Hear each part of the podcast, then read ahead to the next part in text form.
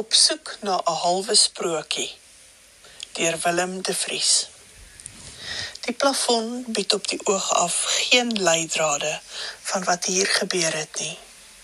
Hier en daar is daar nog kolle waar kleeflint of wondergom 'n tyd lank was. Dit is laatmiddag, maar buitekant, omdat die woonstelblokke so naby aan mekaar is, maak die skade weer al 'n sterk skemer en nader die tyd dat hulle huis toe kom.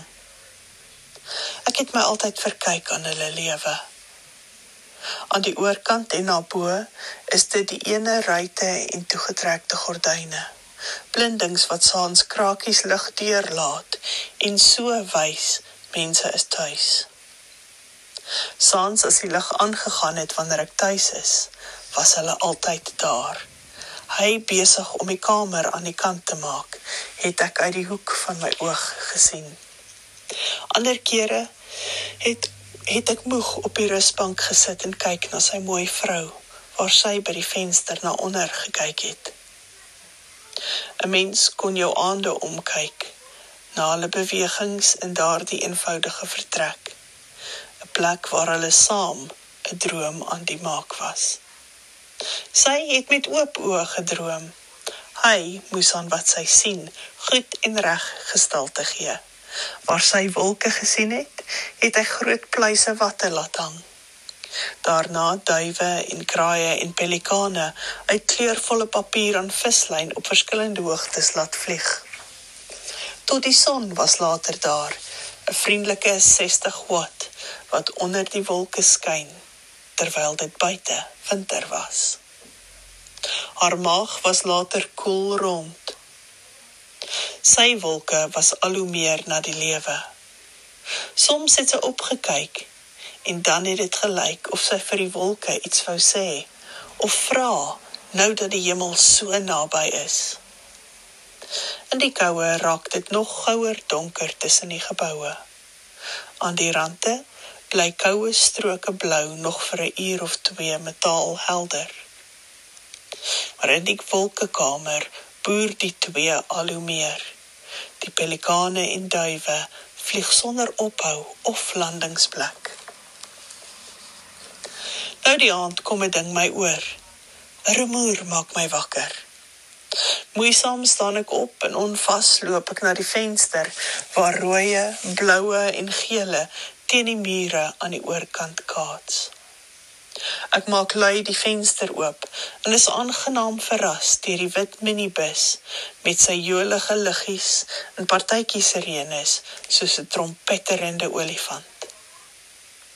Klank en lig tol in die ronde. Ek sien 'n lig in die wolke vertrek, maar dis nie die kamer son nie.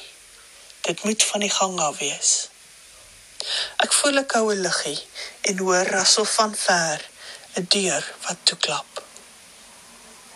Die min lig laat die wolkekamer na storm weer lyk.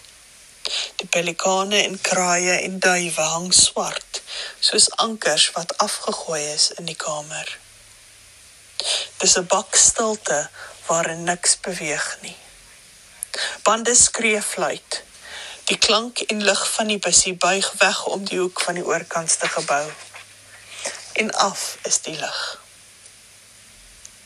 'n Telefoon lui eers en 'n stemopnameapparaat gaan aan.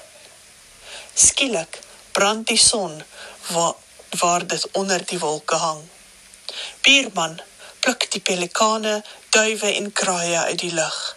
Hy het vuiste vol wolklater.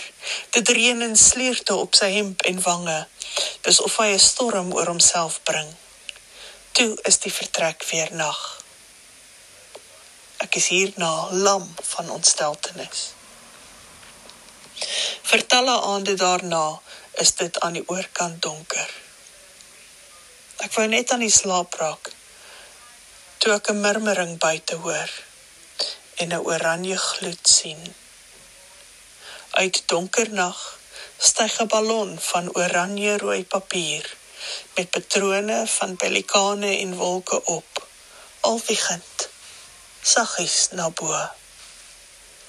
'n Kort kers brand helder groen en amber vlamme onder aan die groot gloeiende lantern wat soos 'n reusagtige omgekeerde druppel vol lig stadig boontoe val.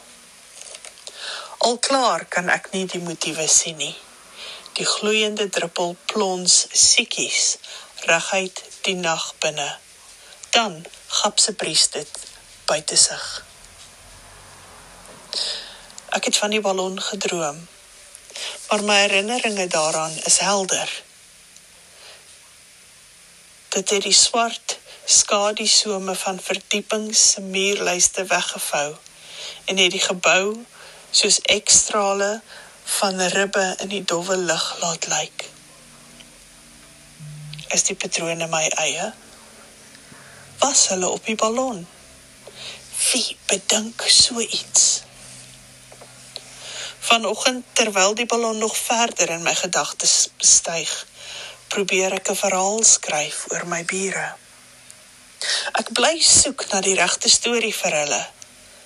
Selfs al is dit 'n halwe sprokie. Papier was hulle boustof vir pelikane en watte. Al wat nodig was vir mooi weerswolke. Die son net 'n skakelaar weg. 'n Tyd lank was winter onwerklik. Ek staar na die venster. Skaars bewus van die reën wat in slierte aan die hele muur en aan die venster oorkant my woonstel val. Die omliggende geel-grys muur wys vandag sy ou verf, 'n al hoe fyner netwerk van krakies. Ek gaan lê op die bed en staar deur die venster na die plafon in die buurwoonstel. Ek probeer pyl waar my bure kan wees. Die plafon bied geen leidrade. Hier en daar is kolle waar kleeflint of wondergom was.